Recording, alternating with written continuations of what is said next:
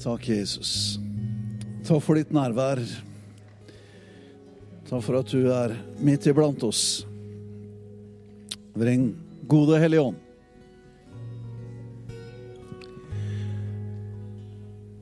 Vi kommer eh, framfor deg her og gir deg all tilbedelse og takksigelse og lovsang.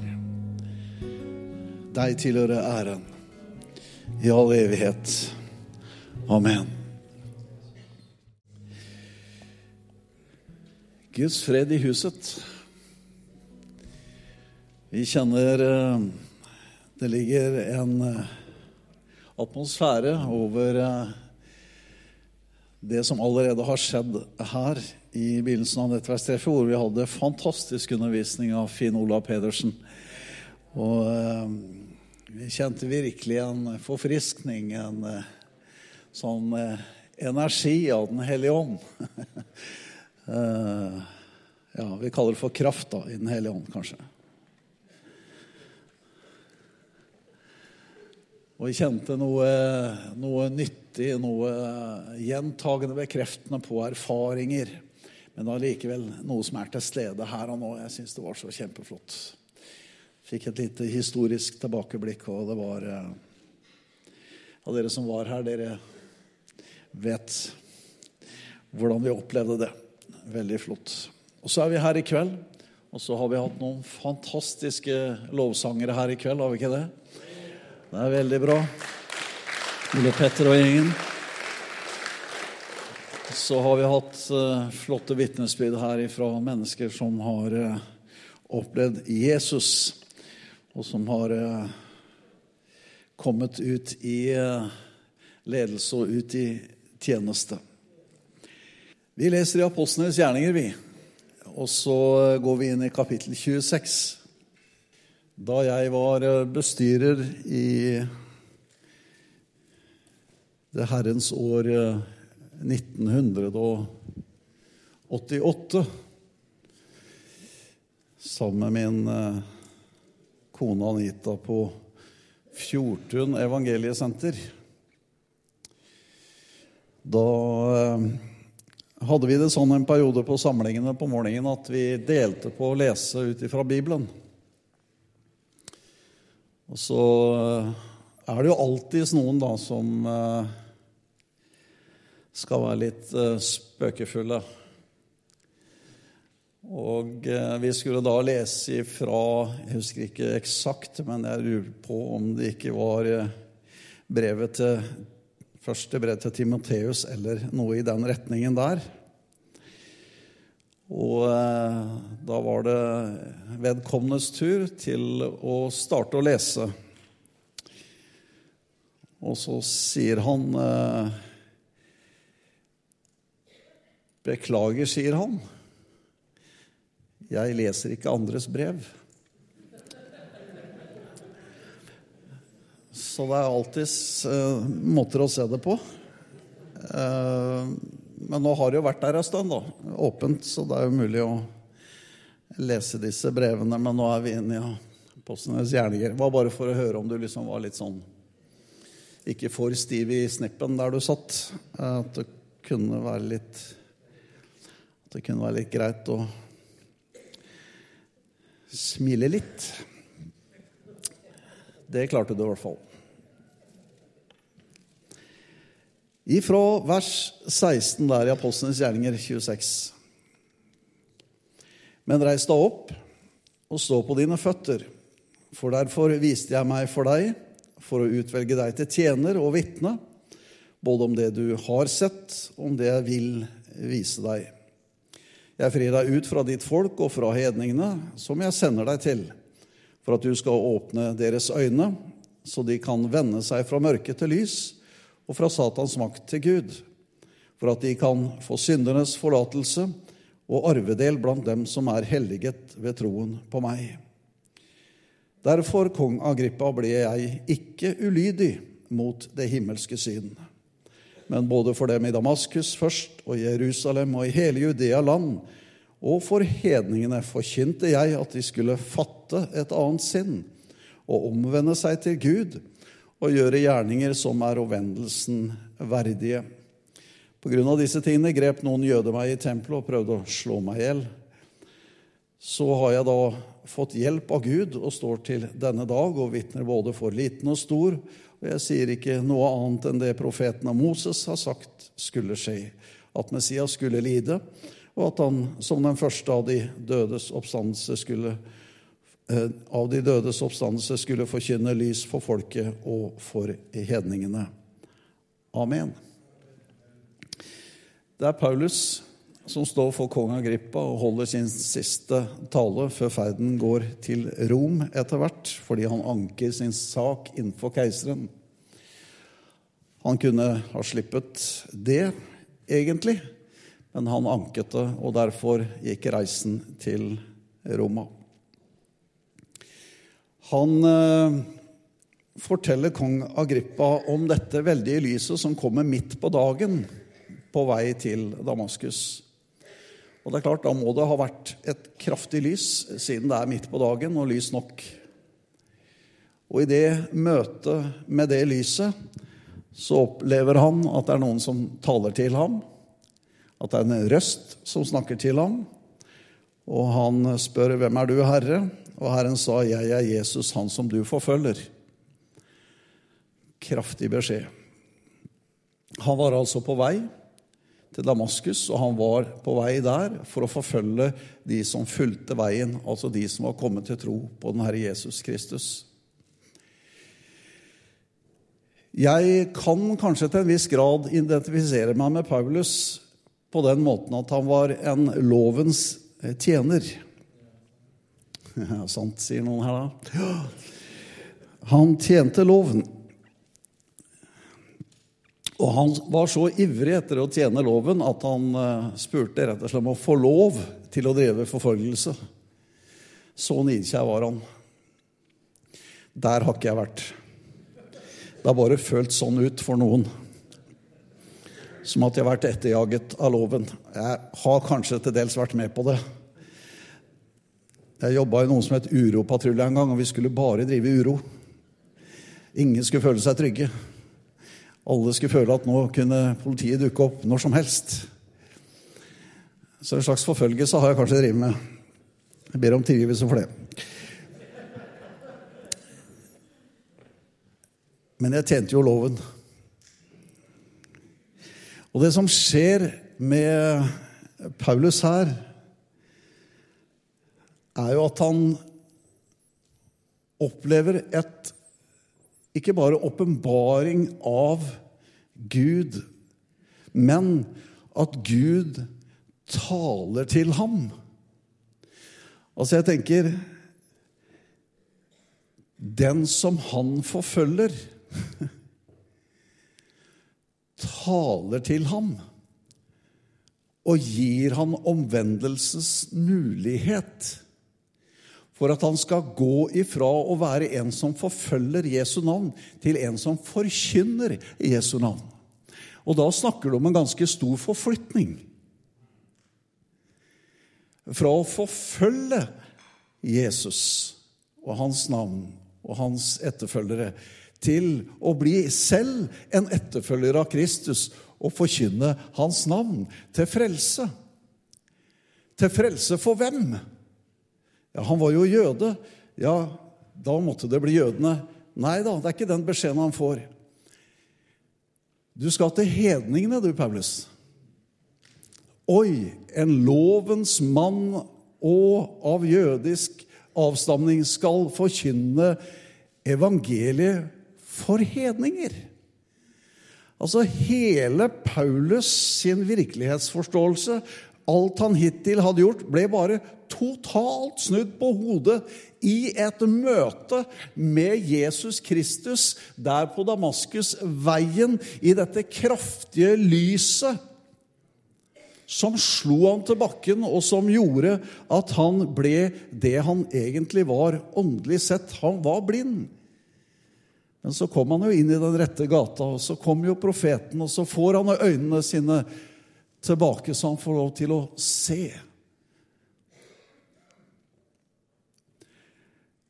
Hva er det som skjer? Jo, han går ifra et mørke til et lys. Hva er det han skal fortelle hedningene om? Å forflytte seg fra mørket til lyset. Hva er det han snakker om? Han skal snakke om å gå fra Satans makt og til Gud. Han skal forkynne nådens evangelium. Lovens tjener skal omvende seg fra å tjene loven til å forkynne nådens evangelium for hedninger. Det er en total forflytning av Paulus sitt liv. Og alt skjer i løpet av et øyeblikk. Fordi at Gud i himmelen ikke tar livet av forfølgere, men at han har en omvendelsens mulighet for ethvert menneske, og han har en plan med Paulus sitt liv. Det var jo mye enklere å bare la lynet slå ned ikke sant, og ta han. Men det kom et sterkt lys isteden. Halleluja. Det var et lys av barmhjertighet og miskunnhet og godhet ifra Herren, og han hadde en plan for Paulus. Hva var det han skulle forkynne om? Syndernes forlatelse og arvedel i himmelen. Han opplevde å få synderes forlatelse. Vet du hva Paulus sier om seg selv? 'Jeg er den største av alle syndere', sier han. Ingen tvil om. Men han hadde opplevd syndernes forlatelse. Han hadde opplevd å få arvedel til himmelen. Han kunne fortelle om hva han selv hadde erfart og opplevd med den Herre Jesus Kristus i sitt liv. Og han aktet det himmelske synet så høyt at han ville aldri bli ulydig imot det synet og den åpenbaring over Gud og over sitt eget liv som han der fikk. Så han ville på ingen måte våge å være ulydig mot det Gud hadde gitt ham av nåde og kjærlighet der på Damaskusletta. Så han opplevde at dette er Guds fullkomne plan for mitt liv. At jeg får oppleve å gå ifra mørke til lys, at jeg får lov til å oppleve en nåde gitt meg ifra Gud, en tro til frelse, som rettferdiggjør meg fullkomment innenfor himmelen, så jeg får arvedel i himmelen. Så jeg er rik i min Gud. Jeg gjør det ikke ved gjerninger for at jeg skal bli rettferdiggjort. Men fordi Gud har rettferdiggjort meg, så har han også istandsatt meg til å gjøre gjerninger for hans navns skyld. Fatte et annet sinn skulle han lære hedningene. Hadde han lært det sjøl? Absolutt. Fatte et annet sinn. Tenke på en annen måte. Tenke totalt annerledes. Om hva da? Om Gud. Om seg sjøl. Om mennesker. Gud er fantastisk. Hvordan han fikk lære Gud som den som gir syndere nåde og tilgivelse og omvendelsens mulighet. Hvordan Gud åpner Jesus Kristus veien like inn i himmelen for den som tror på hans navn. Og at Gud er så stor i sin raushet at han tar tak i en motstander av stor dimensjon og iver, og bare ønsker å ta han inntil seg og forme han og bruke han. Han måtte tenke annerledes om seg sjøl. Og annerledes om andre mennesker. Hvordan vi plasserer oss sjøl i forhold til Gud, er viktig.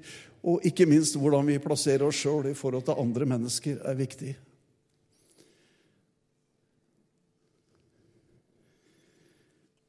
Du kan tjene uten å lede var det vel Charles Wesley som sa.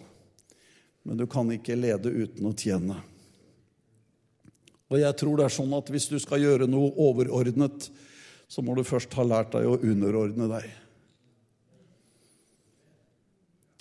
Jeg tror at skal du bli satt over noe mer, så må troskapen finnes i det små. Jeg tror Gud gir den ydmyke nåde. Men alt av stolthet møter motstand hos Gud. Så vi kan få lov til å gå inn i noen overordnede oppgaver ettersom vi har lært oss å underordne oss i Kristus, Jesus, i forhold til Han og i forhold til hverandre.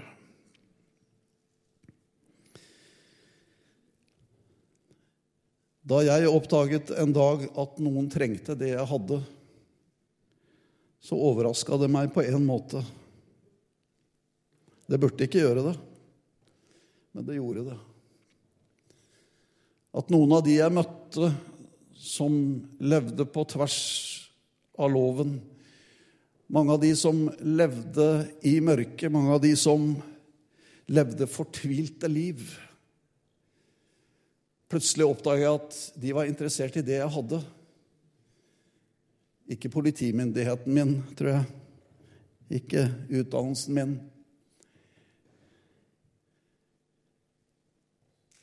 Men de var interessert i det som bodde dypest her inne hos meg.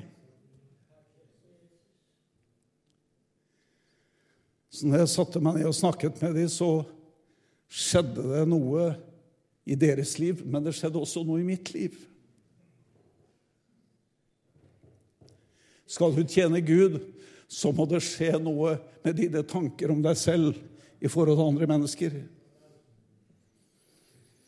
Paulus som jøde skulle begynne å forkynne for hedninger, var helt utenkelig. Hadde det ikke vært for at Peter fikk dette synet på taket.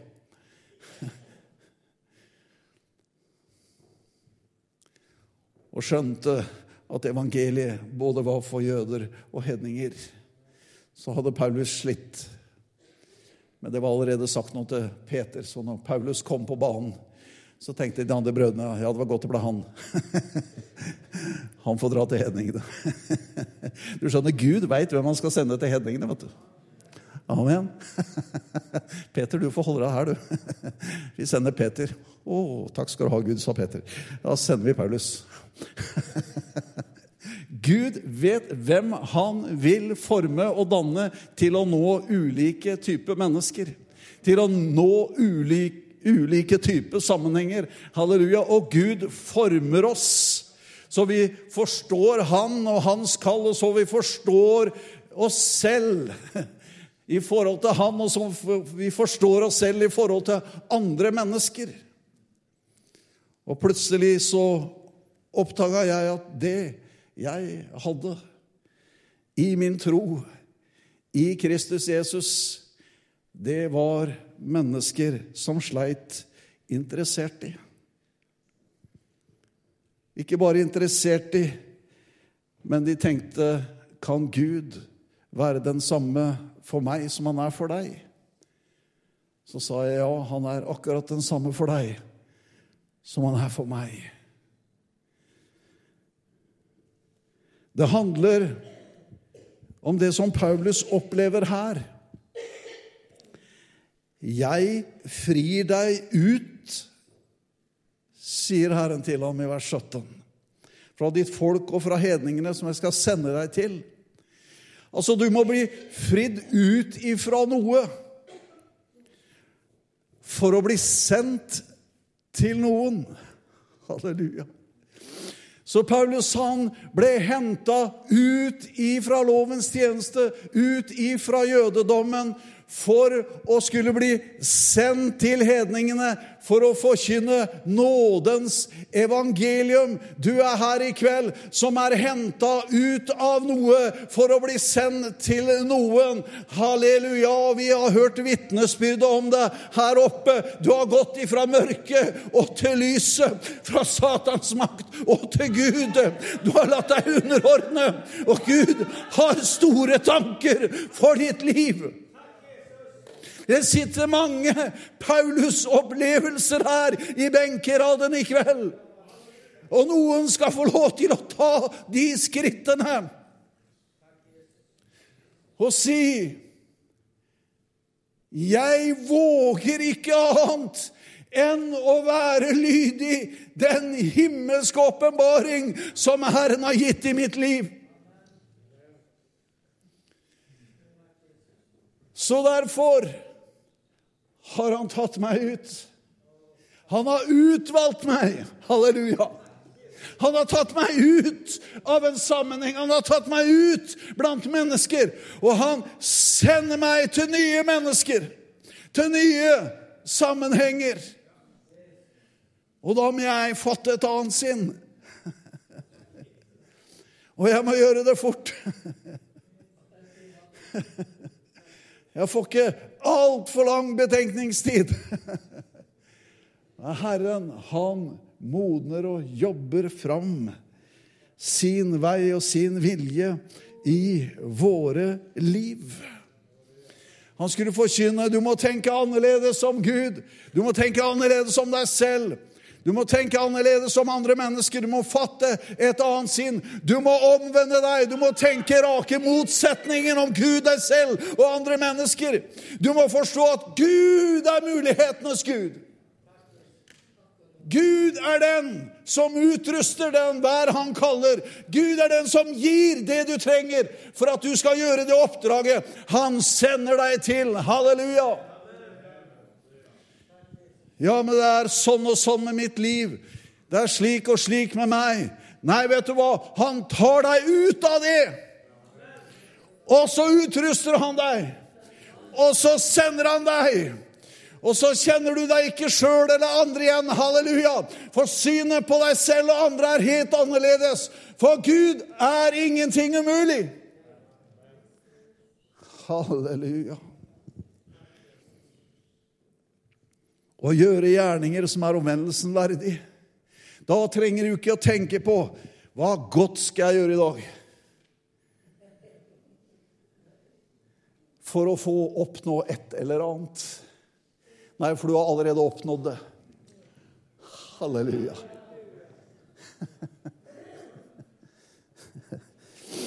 Å, nå skal jeg gjøre annet godt, for nå, nå, nå nå er det noe jeg trenger, så jeg må gjøre litt godt for at jeg skal få litt godt tilbake. Så nå må vi ha litt sånn der byttehandel her, på en måte. Nei. Du har fått av nåde. Det er ditt. Halleluja. Ja, hvorfor skal jeg gjøre disse gjerningene, da?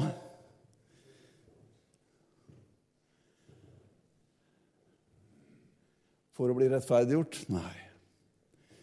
For du må ikke våge å gjøre noe annet enn å være Guds ord og Guds vilje lydig med ditt liv. Ved meg, sa Paulus, som jeg ikke forkynner evangeliet. Han hadde sitt oppdrag klart.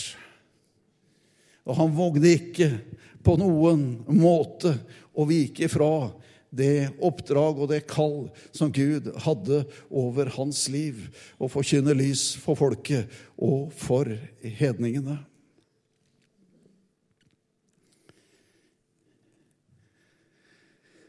I Romerbrevet 15 så sier Paulus noe om sin oppgave som apostel.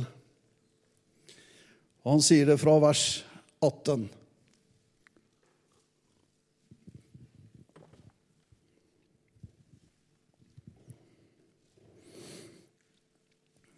Romerne 15, vers 18.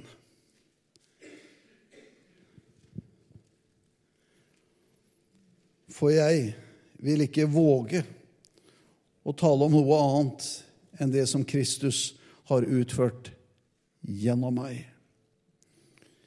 for å føre hedningene til lydighet ved ord og gjerning. Ved kraften i tegn og under, ved åndens kraft. Slik har jeg fullt ut kunngjort Kristi evangelium fra Jerusalem og rundt om like til Illyria. Han ville ikke driste seg på noe annet enn å fortelle hva Jesus hadde gjort i hans liv.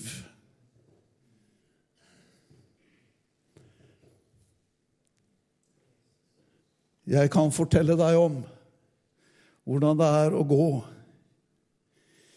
ifra å være i en omstendighet, av å være i et yrke, av å være i en utdanning, av å være i en yrkeskarriere, og skifte til å følge Herrens kall med livet. Jeg kan fortelle deg han har utført det han har gjort for mitt liv. Jeg kan fortelle deg hvordan du kommer igjennom å miste et barn og fortsatt tjene Herren.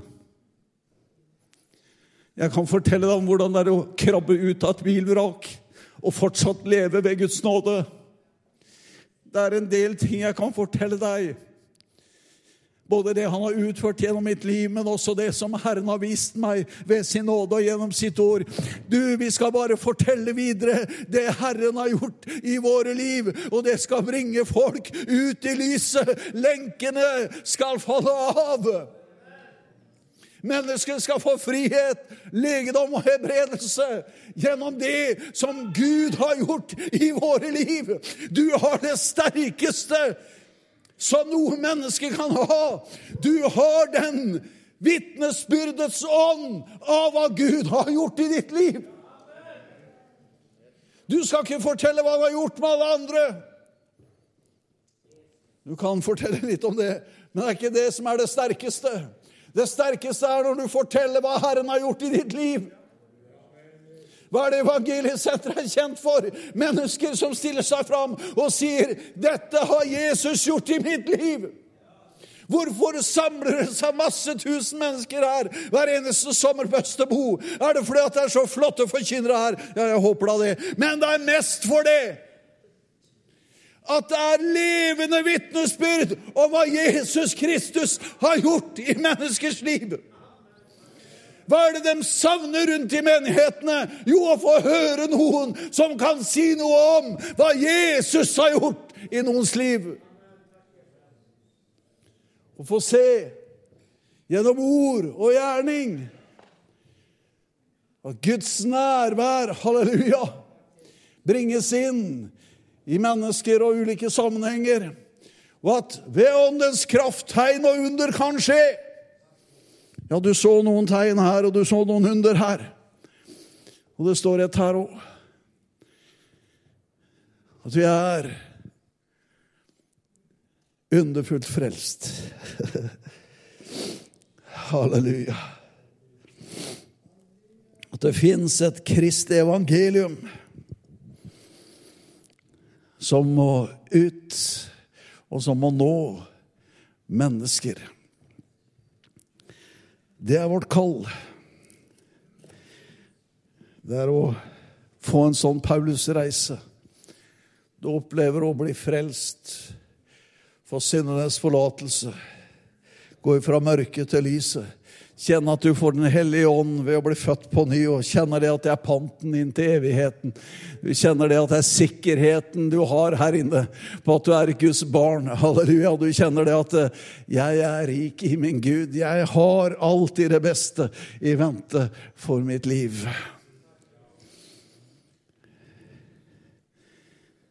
Vi kan ikke sitte med dette sjøl. Vi må dele det med noen. Vi må dele det med noen. 'Jeg er ikke så flink til å snakke.' Nei, men så gjør evangeliet, da. Vi har forskjellige måter å tjene Gud på. Og heldigvis så gjør vi ikke det samme alle sammen. Vi gjør veldig forskjellige ting. Og vi gjør det på litt forskjellige måter.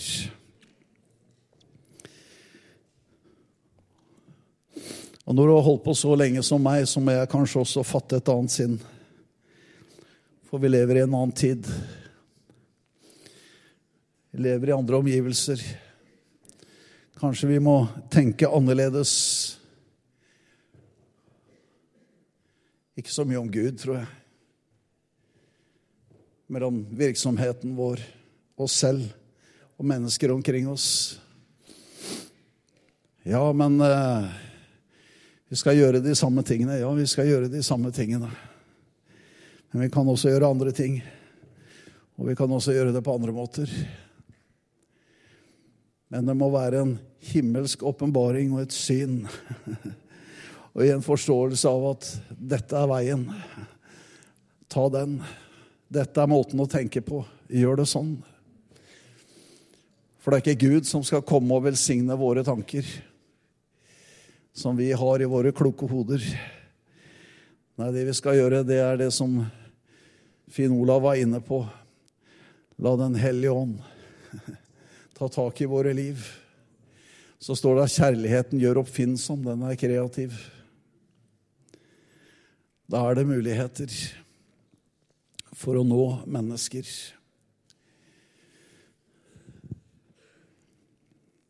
Jeg kunne jo ved et tilfelle kanskje ha lagt lista med mine og Evangeliesenterets ansatte da, fram. Hvor halvparten av de har rusbakgrunn. Så spør noen meg ja, er det noen resultater å se til. Ja, jeg har iallfall over 70 mann her på lista mi. Og de høres jo at de er rundt omkring i skolene våre også.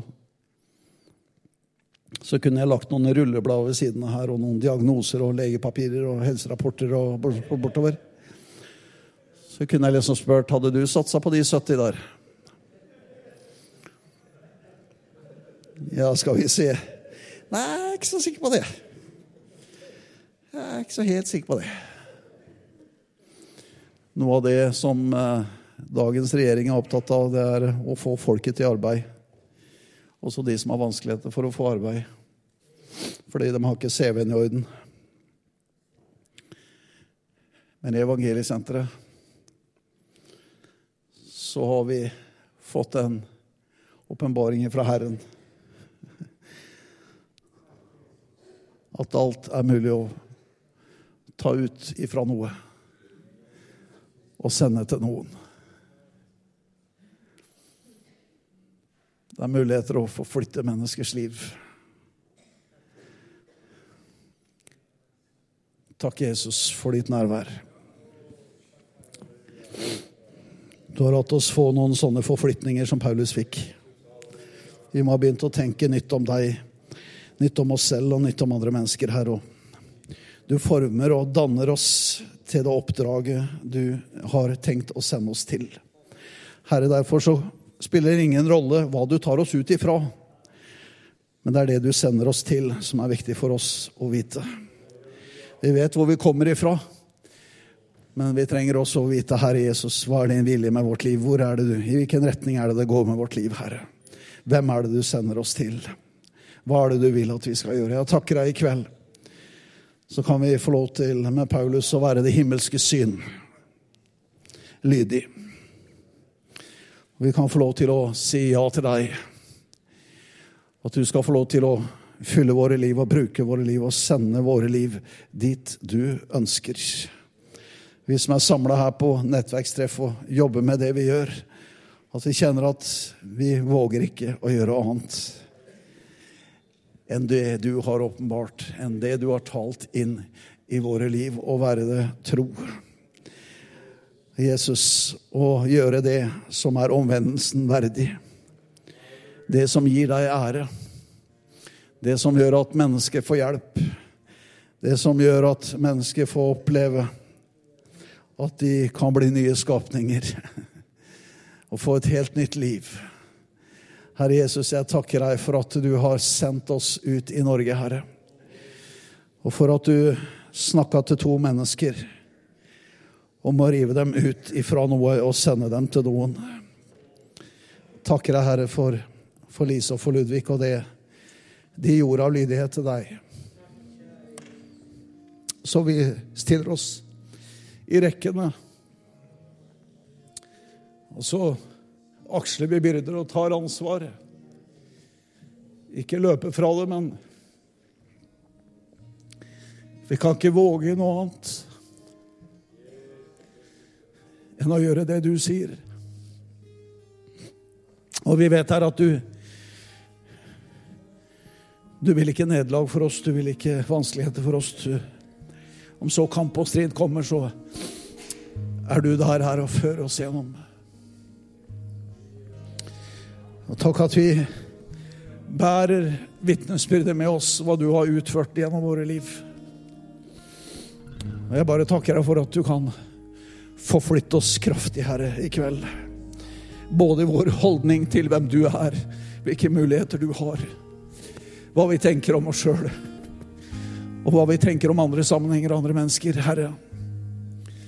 Takk at vi ikke har fattet hans inn. Omvend oss der vi trenger å gjøre det. For nettopp å kunne gjøre de ting som bringer ære til deg, som bringer verdighet inn i situasjonen, som løfter opp og ikke trykker ned, som taler vel, som taler godt. Jesus, ta for din miskunnhet og nåde.